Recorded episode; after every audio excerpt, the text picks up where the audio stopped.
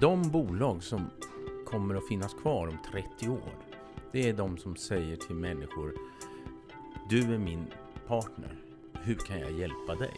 Att man vänder på diskussionen. Det är inte en passiv konsument vi pratar med, utan vi pratar med en medarbetare.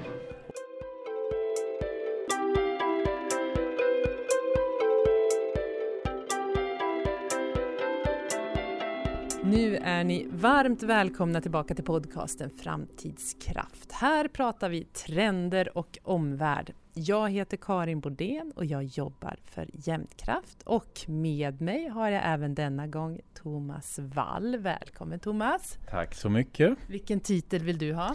Ja, jag kan väl kalla mig för eh, konsult och, och ska vi kalla mig för fri resurs inom energibranschens affärsutveckling. Ja. Eh, ska vi säga att du var den som var uppfann den moderna energibranschen men fortfarande ligger i tätklungan?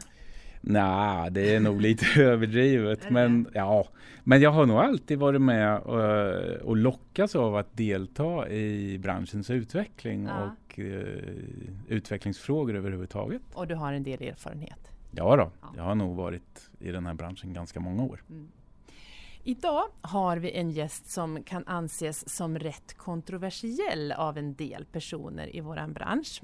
Men i den här podden så har vi som strategi att lyssna utanför vårt eh, vanliga frekvensområde. Och det beror ju på att vi vill skapa oss en ny och kanske egen bild av var branschen är på väg. Så jag tycker att vi gör som vi brukar, eller hur?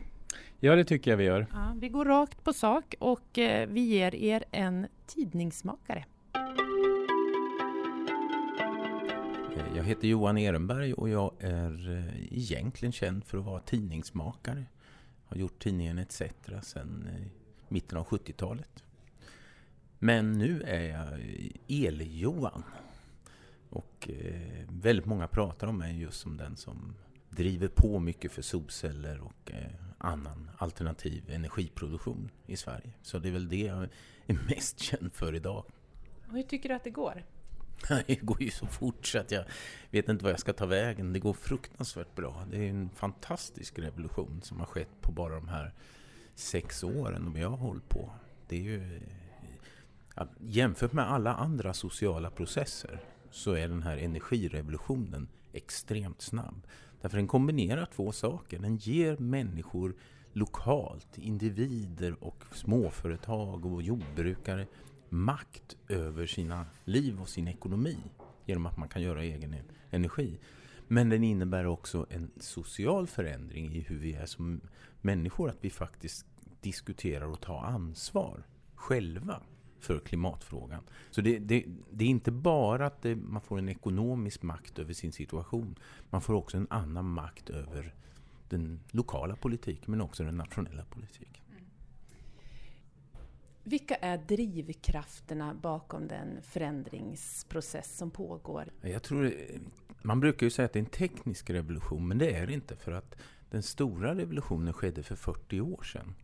Det var då all den teknik som idag blomstrar när det gäller eh, solcellsproduktion, vindkraftsproduktion, batterilager, saltlager, alla de saker som gör att det här blir hållbart. Den fanns redan för 40 år sedan. Så att det, det är mer en ekonomisk förändring på grund utav eh, ska vi säga, dels klimathotet som naturligtvis tvingar fram ett annat sätt att tänka. Eh, och sen är det en energi Eh, ska vi säga, brist i form av att den fossila energin, den har sin... Det är uppenbart att det fungerar inte. Vare sig klimatpolitiskt eller om vi pratar... Det, det börjar helt enkelt bli svårt att få upp olja och gas till de priser som är realistiska för en ekonomi. De där två sakerna tillsammans, globalt, har gett en fantastisk utveckling för den tekniken som har funnits men som har legat i träda. Bästa exemplet är ju Kina. Eh, det är inte de, de smarta västeuropeiska företagen som utvecklar och får ut eh, ny energi till, utan de är ganska passiva. Och de, nej, vi måste vänta, lugn övergång här, behåll kärnkraften, behåll kolet, vi måste sakta men säkert med någon utsläppsrätt hit eller dit. Va? Som ju inte har funkat politiskt. Men i Kina gör man precis tvärtom. Det är en eh, diktatur som säger att liksom, oj, vi kommer ju inte kunna utveckla vår ekonomi om vi är beroende av olja och kol. Det går inte. Vad gör vi då? Då får de fart på solceller. Och det kanske inte var något stort klimatpolitiskt beslut. Det, lite grann handlar det om smutsen i städerna och så. Utan det var ju ett långsiktigt beslut att bygga någon slags oberoende energiproduktion. Och nu lever vi alla gott på det kinesiska beslutet. Alltså vi som vill rädda världen har ju liksom fått ett verktyg som tidigare var för dyrt. Du pratade inledningsvis här om de stora energibolagen. Drar du alla energibolag över en kam? Ja, lite grann gör jag det på så sätt att de, även ett gott kommunalt stort energibolag har pengar till att göra investeringar för omställning. Men gör så lite som möjligt. Man gör, lägger mer pengar på marknadsföring över hur bra man är i den gröna omställningen än vad man lägger i faktiska investeringar. Och det där kan jag visa om jag får gå igenom årsboksluten på tillräckligt många. Sen finns det alltid de som eh, det har ju funnits några små fantastiska exempel i Sverige. Sala Energi är väl ett fantastiskt litet bolag där de just i den lilla, lilla orten driver på för en hållbar utveckling. Och det har ju visat sig vara korrekt av dem på olika sätt. Det finns andra jag vet att Mälarenergi var långt framme när det gäller att stödja människor att sätta upp solceller till exempel genom att göra sån här kvittning vilket gjorde att du slapp den här jobbiga byråkratiska spärren hos människor. Vad gör jag när jag gör för mycket el? Hjälp, hjälp. Och då säger han, men vi tar hand om det så får du tillbaka den på kvällen. Det, det var ju väldigt positivt att de vågade göra det. Så att det, det är inte så att det saknas exempel men det saknas investeringar. Vi ska lyssna mer till Johan Ehrenberg, men först vill jag bara höra Thomas, vad tycker du? Eh, vilka investeringar borde vi ha gjort? Har vi gjort för lite investeringar som Johan säger? Branschen har investerat ganska mycket men kanske i relativt traditionell teknik. Um, jag tror att vi kunde nog ha investerat betydligt mer i affärsutveckling, i innovation, att, att ge oss in i olika typer utav eh, samarbeten där vi testar ny teknik, testar nya tillämpningar, driver piloter tillsammans med andra och, och utvecklas. Jag ser det också det som en form av investering för framtiden. Mm. För, för, för, det Johan pratar om är ju den hållbara världen, investeringar för en hållbar framtid. Ja, och jag ser det som, som Johan pratar också om solceller och annat så är det investeringar som kommer ske på en annan plats än var de har skett i det energisystem som vi har fram till nu. Mm -hmm. Vad tänker du på då? Jag tänker att de investeringarna kommer ju att, att ske ute hos och väldigt nära energianvändarna. Mm och kanske bortanför den leveranspunkt som vi normalt definierar som gränsen till kunden. Mm. Och det är nya områden som vi måste lära oss att utforska och det kan vi göra bäst om vi ger oss in i, i piloter ihop med våra kunder och testar. Men kan du utveckla det där lite grann? Det har ju varit så traditionellt att vi har levererat en eh, nästan som en råvara. Så vi, att vi levererar elen i elmätaren där slutar vårt ansvar ja. och sen tar kundens process över. Eller vi levererar värmen i husväggen och där slutar vårt ansvar och kunden tar över. Vårt ansvar och vår affär? Ja, faktiskt. Och i framtiden så tror jag att eh, när kunderna ska investera i lokal energiteknik, det kan vara eh, energilagring av olika form. Är det batterier? Ja, batterier eller solceller eller vad som helst så är det ju är det så att investeringarna hamnar ju där på den sidan där, där vi inte har definierat vår affär tidigare. Mm. Och det är ett område vi måste lära oss. Kan du konkretisera med något exempel eller så? Jag tror att vi skulle kunna säga att vi gör investeringen åt kunden och hyr ut solcellerna mm. eller batterilagret. Mm.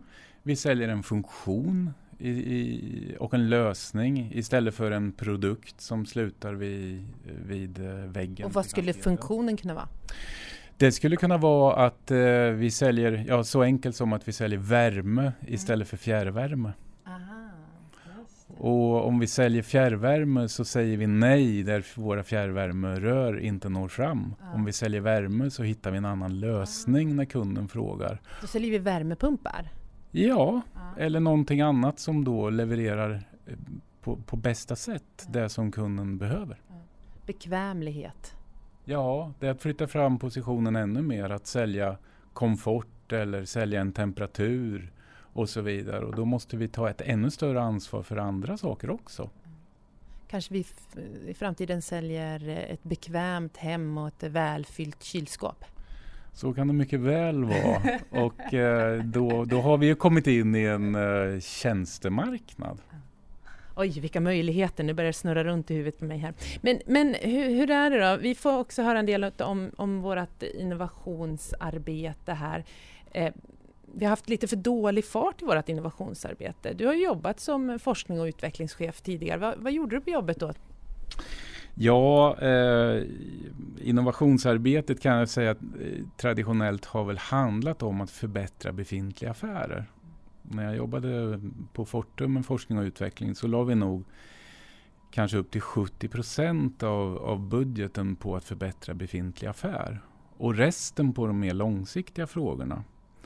Eh, och eh, jag skulle tro att ju, ju, mer, ju längre fram vi kommer nu med, med ny teknik så tror jag att den eh, fördelningen måste förändras. Mm. Vi måste lägga mer pengar på nya affärer, nya möjligheter. Har vi försvarat våra affärsmodeller för länge? Ja, det skulle jag väl inte vilja säga, men det är lätt också att, eh, att inte riktigt vara observant på att det kommer alternativ som snart blir mycket bättre. För de första versionerna av en, en tillämpning av en ny teknik kanske inte ser så lovande ut. Nej. Men när, när eh, den tredje, fjärde och femte generationen av den nya tekniken kommer så kanske den är så bra så den allvarligt konkurrerar med den etablerade tekniken. Därför, därför så tror jag att vi, vi måste vara med och förstå potentialen även i de tidiga faserna. Ja, och det, det kräver lite grann. Ja. Men varför gör vi så? Då? Varför, varför ser vi inte det där? Varför väljer vi att inte se det? Och varför väljer vi att, att stanna kvar vid gamla affärsmodeller? Jag tror att det kan ha ett strukturellt problem. Att vårt uppdrag kan begränsa oss. Eh, om jag är ansvarig för att driva ett elnät mm. så är det min uppgift att eh, maximera värdet av den affären. Allt som kanske konkurrerar med elnätet ser jag som, som hot. Mm. Eh, jag tror att vi måste titta på vad vi har för uppdrag eh, i energibolagen för att eh, verkligen ta till oss att även de alternativa sätten att lösa ett problem kan vara morgondagens affär. Men då måste vi ha det uppdraget. Det blev ett rätt långt samtal med Johan Ehrenberg för han är ju rätt rolig och utmanande i sina tankar. Så jag tycker att vi lyssnar vidare på honom.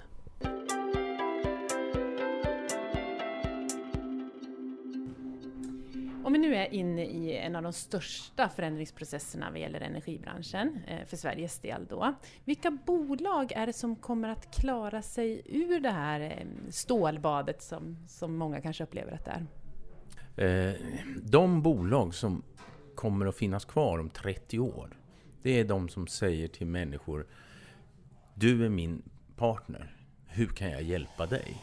Att man vänder på diskussionen det är inte en passiv konsument vi pratar med, utan vi pratar med en medarbetare. Och vi säger till denna medarbetare, du vill göra jättemycket solel. Ja, jag hjälper dig, jag lagrar elen åt dig eh, så du får tillbaka den. Man tar fram affärsmodeller där man för att balansera ger människor stöd genom att säga vi kan balansera åt dig. Vi kan lagra i stora flödesbatterier här i Jämtland eller i vad man nu vill göra. Vattenkraft? Ja, vattenkraften finns ju redan och i Sverige vi har ju sån enorm fördel för den här starka vattenkraften. Det är klart man kan lagra i den. Men du behöver också lagra ner på lägre nivåer för att det tar lite tid. Ja, du vet balansen i elnätet och så vidare. Eh, och istället för att göra det till ett problem. För idag diskuterar oj, oj, oj, det är så jobbigt, vi måste bygga ut lite nät och vi måste göra det. Oj, oj, oj, vad jobbigt det blir. Så ska man gå ut och säga tvärtom. Vad härligt att du som enskild Eh, husägare eller som jordbrukare med en liten pyrolysmaskin. Vad härligt att du är med och räddar klimatet. Hur kan jag hjälpa dig? De företagen som ändrar den inställningen, de har chansen att ställa om. De andra kommer att bli sådana här döda energijättar som måste räddas av staten eller räddas utav eh, något annat för tillfälliga system. Ungefär som vi nu har räddat eh, kärnkraften med 5 miljarder per år för att den ska kunna fortsätta. Men herregud, om tre år kostar solcellerna en tredjedel av vad det kanske gör idag. Vad gör ni då med kärnkraften? Alltså det är en oförmåga att tro på omställningen. Förmågan att förstå vad en teknikrevolution är när den väl har kommit igång. Tesla hade sänkt produktionskostnaden för batteri med 35 procent på ett halvt år. Ja, men ska man inte ha med det i sin affärsanalys, då kommer man ju bli en dum, död dinosaurie.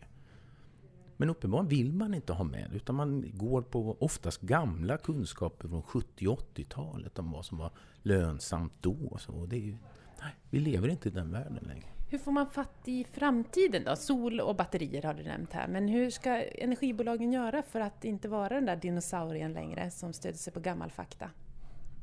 Ja, jag tror att det viktigaste kommer att vara att våga tänka småskaligt. Det sättet att tänka, där man utgår ifrån vad är det lokala behovet hos den här ICA Maxi-ägaren? Där är ju, alltså styrkan för ett energibolag är ju att alla kommer alltid behöva mer energi. Vi, vi, vi, liksom det nya samhället vi skapar, som är ett elsamhälle som är mycket, mycket större än det vi, vi har pratat om tidigare. Där vi, alla bilar kommer att gå på el, all, alla cyklar går på el, ja, allting kommer att gå på el. Eh, det samhället ger ju ett fantastiskt utrymme för ett energibolag. Men inte om man tror att man ska vara leverantören av denna energi. Vad, vad ska man tro att man ska vara? Man ska vara delaktig i att många levererar energin, eller elen. Många producerar elen, många skyddar sig tillsammans. Då får du starkt företag. Så det, det, det är verkligen en revolution i synen på hur ett bolag ska fungera. Kan du säga tre bra saker om den svenska energibranschen? Vattenkraft. Det är väldigt bra. Ehm Nej, sen blev det lite stopp faktiskt. Det, det, vattenkraften är det jag ser som... Det var ju väldigt tur att vi började på 50-talet att bygga ut det där. Och den har vi ju bevarat. Och den fungerar ju. Och den blir ju bättre och bättre. Eh, men annars tror jag, hittar jag få initiativ som är så här hoppfulla. Det är ganska leveranssäkert där om man jämför. Ja, vattenkraft är ju just leveranssäkert och väldigt... Elnätet också? Ja, fast där tror jag nog att det inte är något speciellt unikt i Sverige. Det finns fler bra energinät. Men det är inget, det är ju, vi har ju byggt ett elnät mm. med skattepengar mm. till att börja med. Ja. Ja. Och det har vi gjort så att varje bonde har, varje kossa har en elkontakt. Då innebär det att varje bonde kan också leverera ut el. Det tycker jag är det mest fina med elnätet. Att då blir ju elnätet en tillgång, inte för elbranschen, men också för individen. Och det är där vi måste, måste börja med individen. Jag tror att alla som jobbar på ett elbolag eller energibolag ska liksom sätta sig ner och tänka, vad vill jag ha? Ja, och det tänkte jag nästa fråga till dig här. Det elbolag som du är kund hos om tio år, hur ser det ut? Vad ska det ge dig? Ja, det ska göra så att varje gång jag köper el så ska jag känna att det, det innebär att jorden blir lite bättre. Det måste finnas ett löfte mellan konsumenten som eh, handlar och den som producerar. Att pengarna för, som kommer här ska användas till någonting väldigt bestämt, väldigt tydligt, väldigt lokalt. Om du får möjligheten då att rikta en uppmaning till nästa styrelsesammanträde till ett energibolag, hur skulle den uppmaningen, eller möjligtvis frågan, låta? Ja, jag skulle nog be styrelsen att gå hem och fundera på hur de själva, privat, skulle vilja bli bemötta av sitt energibolag lokalt. Hur, hur, hur vill man agera ihop med det? Man tänker sig från andra hållet. Eh, och då tror jag, för det viktiga är att börja tänka på ett annat sätt. Tack så mycket Johan Ehrenberg. Ja, tack själv. Fundera lite mer på de där tre bra sakerna då. Ja, men nu har du fått två, det får räcka. Härligt med lite kritik tycker jag. Verkligen. Jag hör delningsekonomi, hållbarhet och individualism. Eh, trender som Johan ser kommer att påverka oss i framtiden. Och så det här med att sätta kundens behov i fokus. Om vi nu ska säga att vi har kunder. Han pratar väl om medarbetare och medproducenter. Hur ser du på det där? Ja, det, det är klart att vi kommer att ha kunder i framtiden men kunder med annorlunda behov än idag. Mm. Så har vi vår egen produktion, eh, har vi vår batterilagring hemma och så vidare så är det klart att vi har ett annat behov eh, av eh, och ställer andra krav på, på vår energiförsörjning än den vi ställer idag. Men på allvar, om vi ska vara ärliga, kommer verkligen solenergin att påverka energibranschen? Är det inte bara promillen som vi pratar om? Ja, eh, vis av erfarenhet får jag väl säga så tror jag att det här är en, eh, en stor förändring som vi inte kan stoppa. Aha. Den här tekniken finns, tillämpningarna är bra. Det kommer att gå väldigt fort och eh, vi kommer att se eh, solceller på hustaken i de flesta städer. Eh, jag kommer ihåg på 80-talet när jag stod eh, själv i lokalradion i Örebro och sa att ja, det här med vindkraft det är liksom bara en, en liten parentes. Vi behöver ju elen även när det inte blåser och, och sen är det bara små, små anläggningar som, som aldrig kommer att ersätta de stora anläggningar vi, vi, vi har. Ja. och det har jag fått äta upp. Det har du gjort? Då. Ja, verkligen. Och, eh, men varför, ja, men varför sa du så? Vad tror du? Vad är din analys idag? Jag tror att eh, det var okunskap. Ja. Och det var också så att eh, den konsensusbilden vi hade i energibolagen var att vindkraften är ingenting stort. Det var marginellt.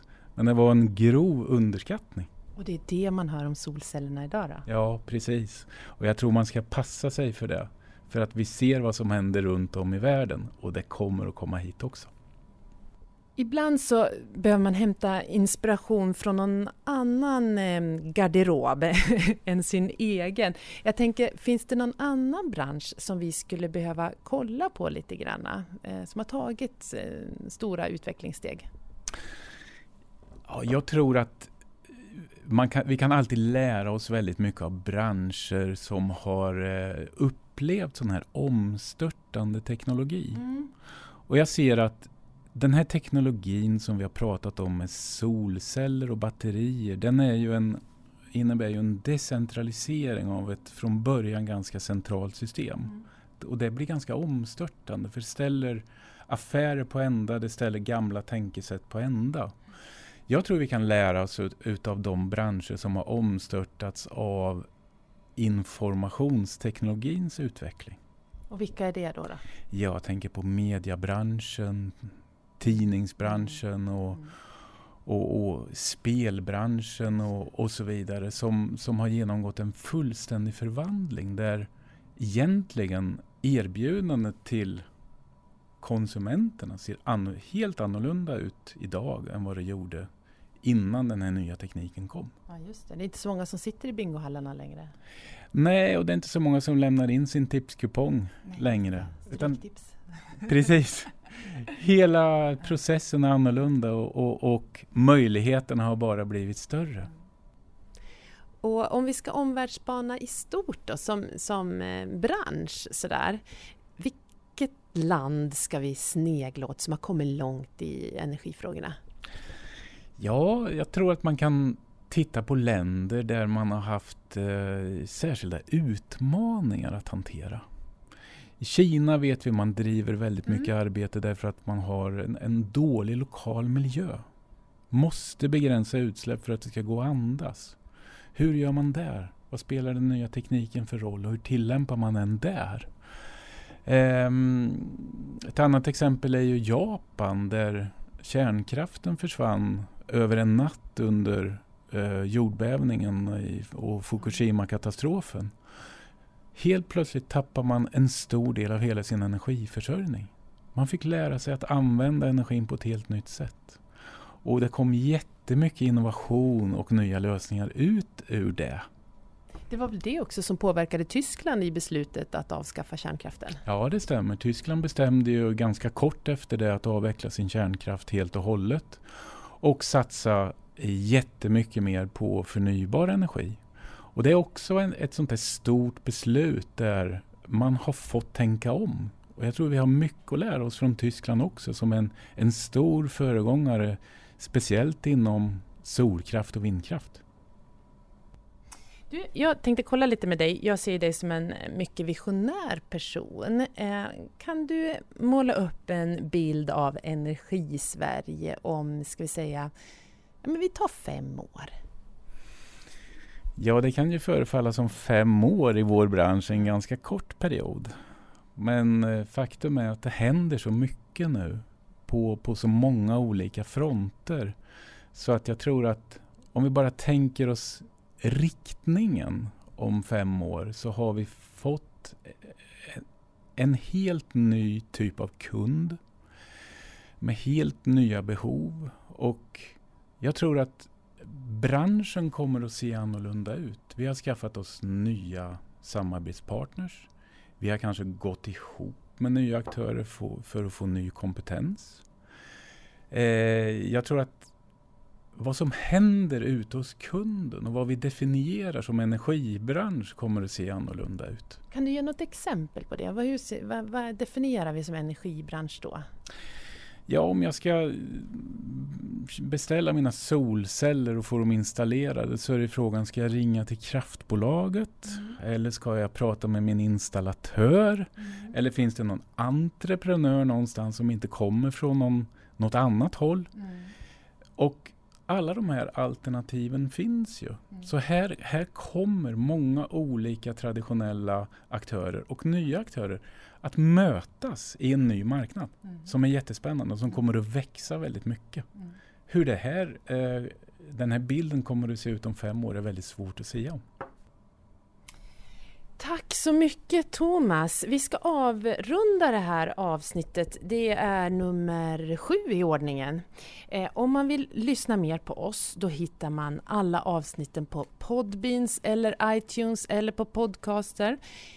Jag blir jätteglad om ni också recenserar oss och delar vidare för det betyder att fler kommer att kunna lyssna på den här podden och det vill vi ju så gärna.